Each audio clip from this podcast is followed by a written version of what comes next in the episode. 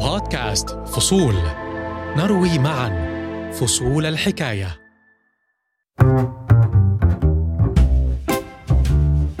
بقول لكم إيه؟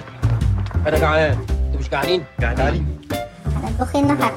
عايزين تاكلوا إيه النهارده؟ بياكل. بياكل إيه؟ لا بصي ده الأخضر واليابس. ده بيخضر تفتكري كده هشبع يا أسرية؟ ماذا ستأكل اليوم؟ سؤال محير سواء طرحته على نفسك أو طرحه عليك غيرك. لكن السؤال الأصعب ماذا سنأكل غدا؟ وغدا يعني المستقبل. في العام 2050 سيكون عدد سكان كوكبنا أقل قليلا من عشرة مليارات نسمة. فكيف سينتج العالم طعاما لهذا العدد الهائل من البشر؟ اليوم هناك 800 مليون إنسان يعانون من سوء التغذية.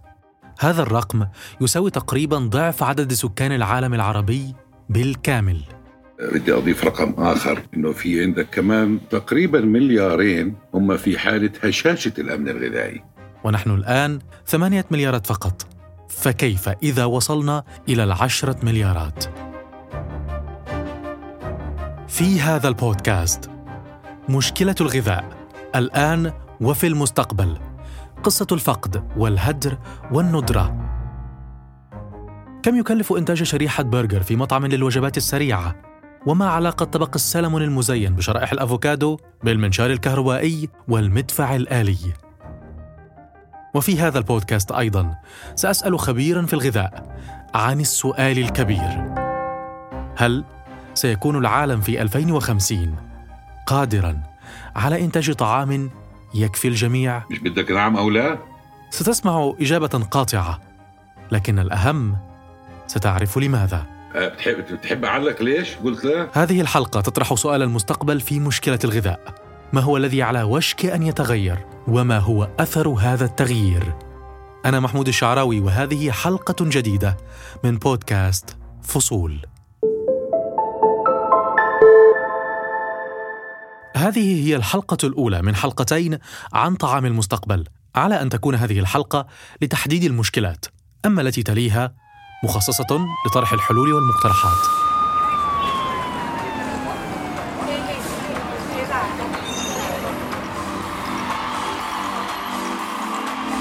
Are you ready, New York?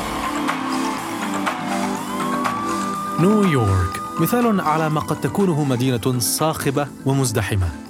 في عام 2050 سيعيش 70% من البشر تقريبا في المدن. سيعمل بعض من هؤلاء في الزراعة. نعم، زراعة وداخل المدن. لأن الحقول ستكون مختلفة. What we want to do at Square Root is start to grow food right in the middle of the neighborhood next to the people that are going to eat the food. شركة Square Roots تستخدم حاويات containers كمزارع We're sat inside of a 320 square foot shipping container right now. It's a standard 40 foot إنها التكنولوجيا إذن. لا شمس ولا تربة لا ترع أو مصارف. فقط التكنولوجيا هي من تزرع. هدف شركة Square Roots هو توفير احتياجات سكان نيويورك من الخضر الطازجة. Square Roots صورة من الحاضر لما يمكن أن يكون عليه المستقبل. لكن ليست هذه الصورة الوحيدة.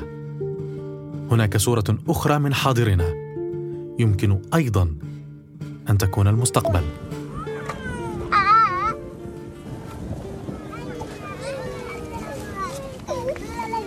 تعرف الجائعين من أصواتهم حتى قبل أن يتكلموا. والله جالس لنا تحت ذي الشجرة ولا معانا حاجة. أم حنشان قد إحنا خايفين علينا تنزل علينا. قبل أمس قتلنا حنش مننا من تحت شجرة والله العظيم معي شفيقة علي نازحة يمنية وهي أم لعشرة أطفال. تحمل أصغرهم بيد بينما توقد نارا تحت قدر الطعام باليد الأخرى. وحول شفيقة ترى فروع أشجار يبدو أنها قطعت حديثا وغرست في الأرض لتعلق عليها أقمشة أتت من مصادر شتى. هذه ملاءة نصف مهترئة. وتلك المزركشة كانت سجادة. هذه هي خيمتهم. جدران من قماش بلا سقف. والله بعد حين يرقدون قيع يعلم بين ربي ان إحنا نرقد قيع بعض احيان ونعم نرقد قيع بعض احيان شفيقة وأولادها بشر من لحم ودم لكنهم في الإحصائيات رقم ضمن مئات ملايين الجائعين. نتكلم الآن عن 825 مليون شخص يعني واحد من كل تسع أشخاص. وللأسف البلدان النامية فيها أعلى نسبة جوع. الدكتور فاضل الزعبي خبير الأمن الغذائي عمل في الأمم المتحدة لأكثر من ربع قرن. يعني إحنا بنتحدث عن الكونغو ب 20 مليون آه، واحد. إنسان بأفغانستان ب 17 مليون في اليمن ب 16 في نيجيريا وأثيوبيا كل واحدة فيهم 13 مليون في سوريا نفس الرقم في فنزويلا في جنوب السودان آه، تقريبا 7 مليون وفي السودان 7 مليون. هي أرقام مهولة. هذه أرقام فعلا بتخلينا نفكر ليش إحنا وصلنا لهذا الحد. كيف وصلنا إلى هذا الحد؟ ربما علينا البحث قليلا في التاريخ عن الإجابة. أعرف أنك هنا لتسمع عن المستقبل سنتحدث عن المستقبل لكن إذا كان حدسي صحيحا فأنت أيضا تحب قصص الماضي هل مر عليك من قبل فيلم 10000 بي سي؟ عشرة ألاف عام قبل الميلاد؟ في بداية الفيلم ستميز صوت الممثل عمر الشريف وهو يحكي عن مجموعة من البشر تعيش على صيد حيوانات الماموث العملاقة. والتي كانت قد بدأت في الانقراض.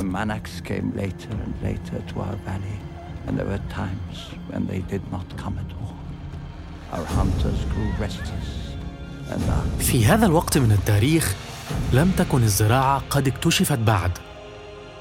المجموعات البشرية كانت تعتمد على صيد الحيوانات وجمع الثمار. لكن ذلك أصبح صعبا.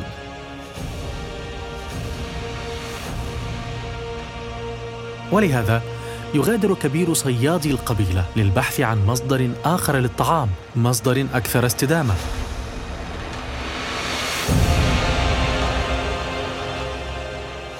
إنها رحلة البحث عن البذور نهاية عصر الصيد وبداية قصة الزراعة بل والحضارة كما نعرفها اليوم. فما المشكلة؟ That's not an option the next time around. Agriculture depends on a stable climate with predictable seasons and weather patterns.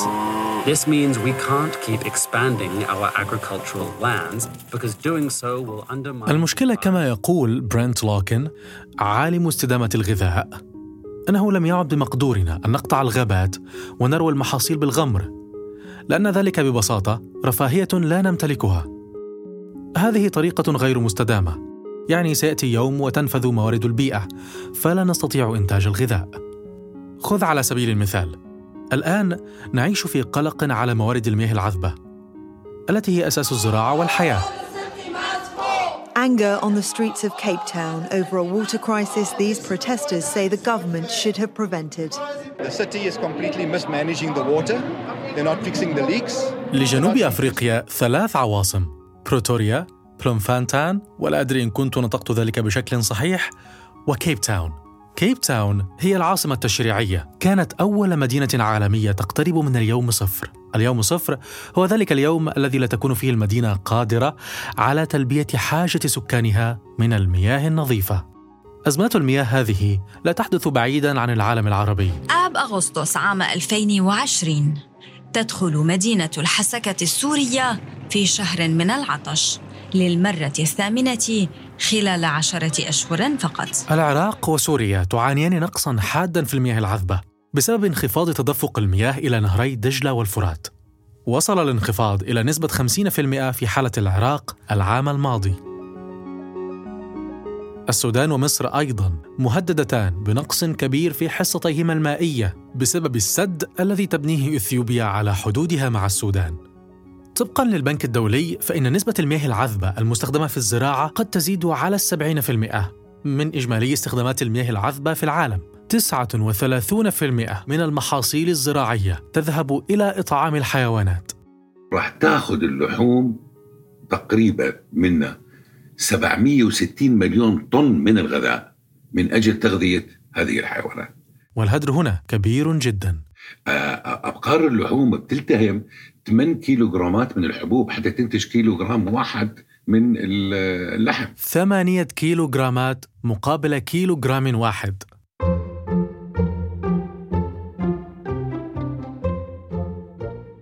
تعال نتذكر يوم عمل عاديا في عالم ما قبل كورونا. في منتصف يوم عمل شاق بدأت تشعر بالجوع. تسمع هذه الأصوات في رأسك.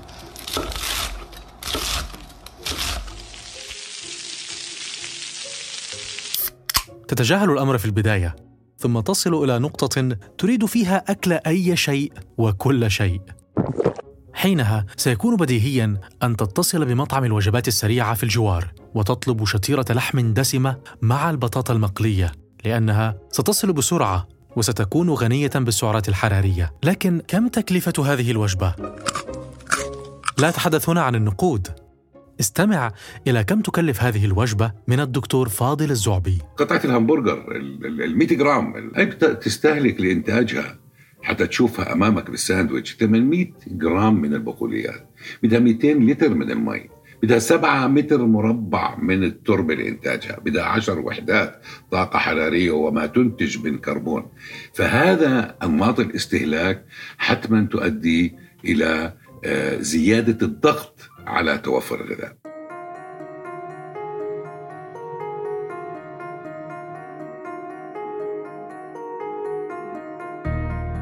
إنتاج الغذاء وخصوصا اللحوم لا يستنزف البيئة فقط.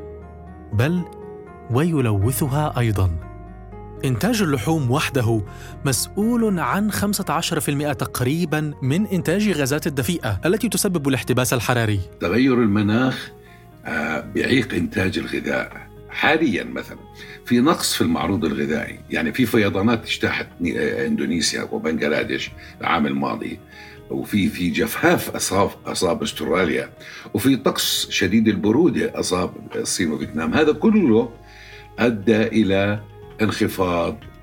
فلك أن تتخيل الاحترار العالمي اللي بينتج من تغيير المناخ إذا فقط استطعنا نحد منه درجة ونص درجة ونصف راح يؤدي معنا بنتيجة انخفاض في الإجهاد المائي تقريبا بنسبة 50% ومن أشكال. طبعا هذا رقم رقم بخلينا نفكر كثير بأنه ارتفاع درجة حرارة واحد ونص. هي مش مجرد أنه الدنيا صارت صيف وحامي وبتشغل المكيف بقدر ما أنها راح تأثر على المخزون المائي اللي هو أساس الزراعة.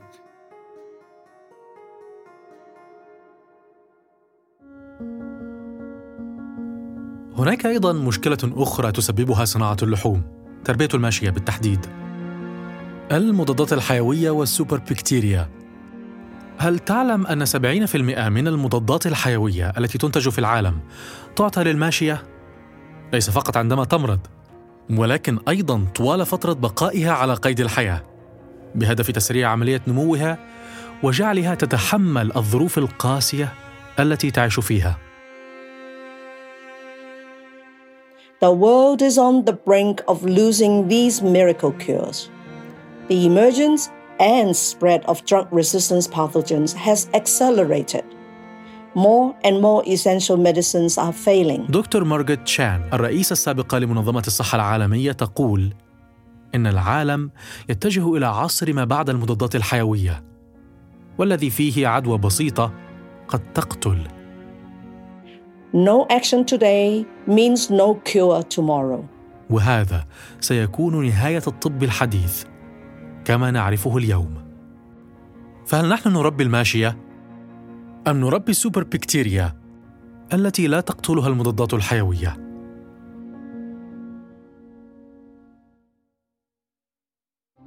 إذا كنت من محبي الكباب وفتة اللحم والكبة والطاجين اطمئن فهذا البودكاست ليس دعوة للتوقف عن تناول اللحوم فهذا في النهاية قرارك ولأنه أيضا كما يقول بروس فريدريش المدير التنفيذي لمعهد الطعام الجديد حظا سعيدا في إقناع الناس بالكف عن تناول اللحوم Should we go out and tell everybody, stop eating meat?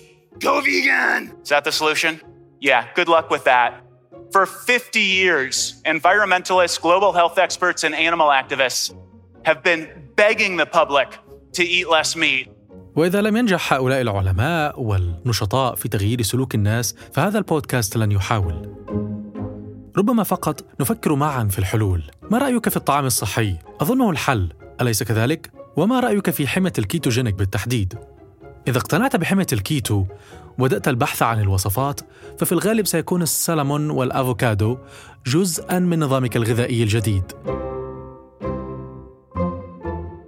إلى وقت قريب كان السلمون والأفوكادو أطعمة غالية ولا تزال بالنسبة لكثيرين لكن الجديد هو أنه مع نمو الطبقة الوسطى في كل أنحاء العالم تقريبا وزيادة الوعي بالصحة استهلاك الأطعمة الصحية صار صرعة موضة يتبعها القاسي والداني ولهذا ثمنه. تلفزيون دي في الألماني أنتج وثائقيا استقصائيا يتتبع قطعة السلمون وشرائح الأفوكادو إلى أمريكا الجنوبية حيث يتم إنتاجها على نطاق واسع Six years ago, some of the farmers started fighting back. They formed their own security force. 26, 27, 28, 2, في for المكسيك. جوانزيليز واحد من تجار الأفوكادو الأثرياء قضى أكثر من 35 عاما من حياته في هذه التجارة التي جعلته ثريا لكن على حساب أمانه وأمان عائلته Where there's money to be made, you'll find organized crime. زراعة الأفوكادو تستهلك كميات كبيرة من المياه وقطعت من أجلها الغابات لتوفير الأراضي الخصبة لهذه الثمار مرتفعة العوائد. لكن تأثير الأفوكادو لا يقف عند هذا الحد فثمار الأفوكادو أيضا غيرت حياة المزارعين لأن هذه الثمار وما تجنيه من أموال أصبحت مطمعا لعصابات النهب والسرقة. على الجميع هنا أن يحمل السلاح. Maybe now they'll think twice before they try to take over our land.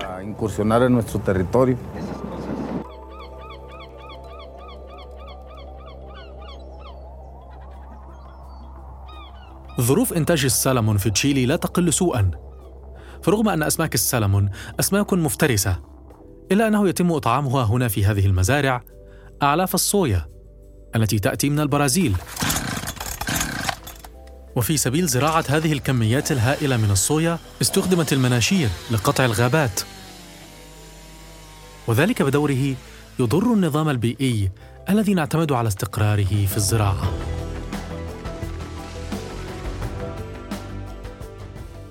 إساءة استغلال موارد البيئة يؤدي إلى ندرة هذه الموارد ندرة المياه، ندرة الأراضي الصالحة للزراعة وما إلى ذلك This entire section of forest land has dried out. The avocado crops have drained off all the water. But forested areas need to be protected to help maintain the supply of groundwater. قد تقول هذه مشاكل تتعلق بإنتاج الطعام شيء يتعلق بالمنتجين ما شأننا نحن المستهلكين؟ الإجابة الهدر والفاقد الغذائي. لك أن تتخيل أن البشرية تهدر ثلث ما تنتج. فتخيل الهدر والفاقد الغذائي ثلث يعني بننتج أربعة مليار طن غذاء في العام. لا نستهلك منه للبشرية إلا 2.7 بالعشرة وثلثه يذهب هدرا وفاقدا. إذا بدك تسألني شو الفرق بين الهدر والفاقد الفاقد هو ما يفقد خلال من بعد الحصاد لحين وصوله إلى طاولة المستهلك، يعني خلال سلسلة سلسلة القيمة وسلسلة الإمداد. أما الهدر فهو ما يهدر الإنسان في مائدته. فتخيل هذه الأرقام كلها تشكل ضغط كبير جدا جدا.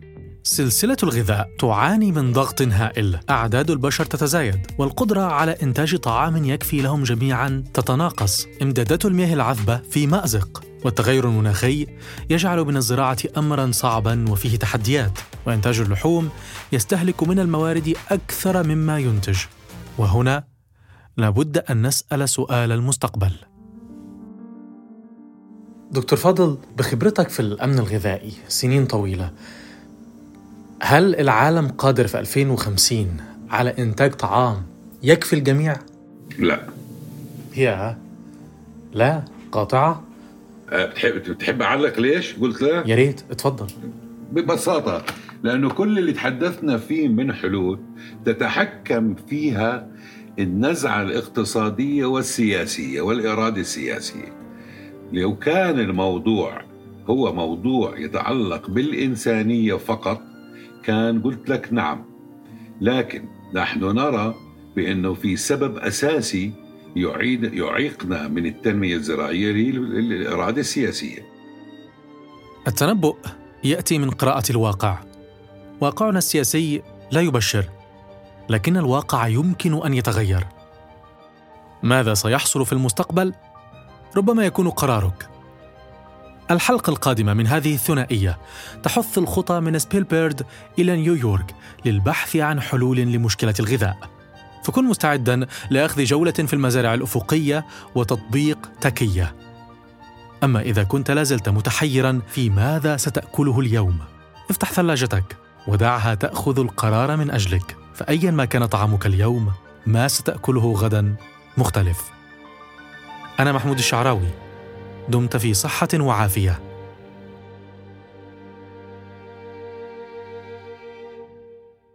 بودكاست فصول يأتيكم من شبكة الشرق الأوسط للإرسال.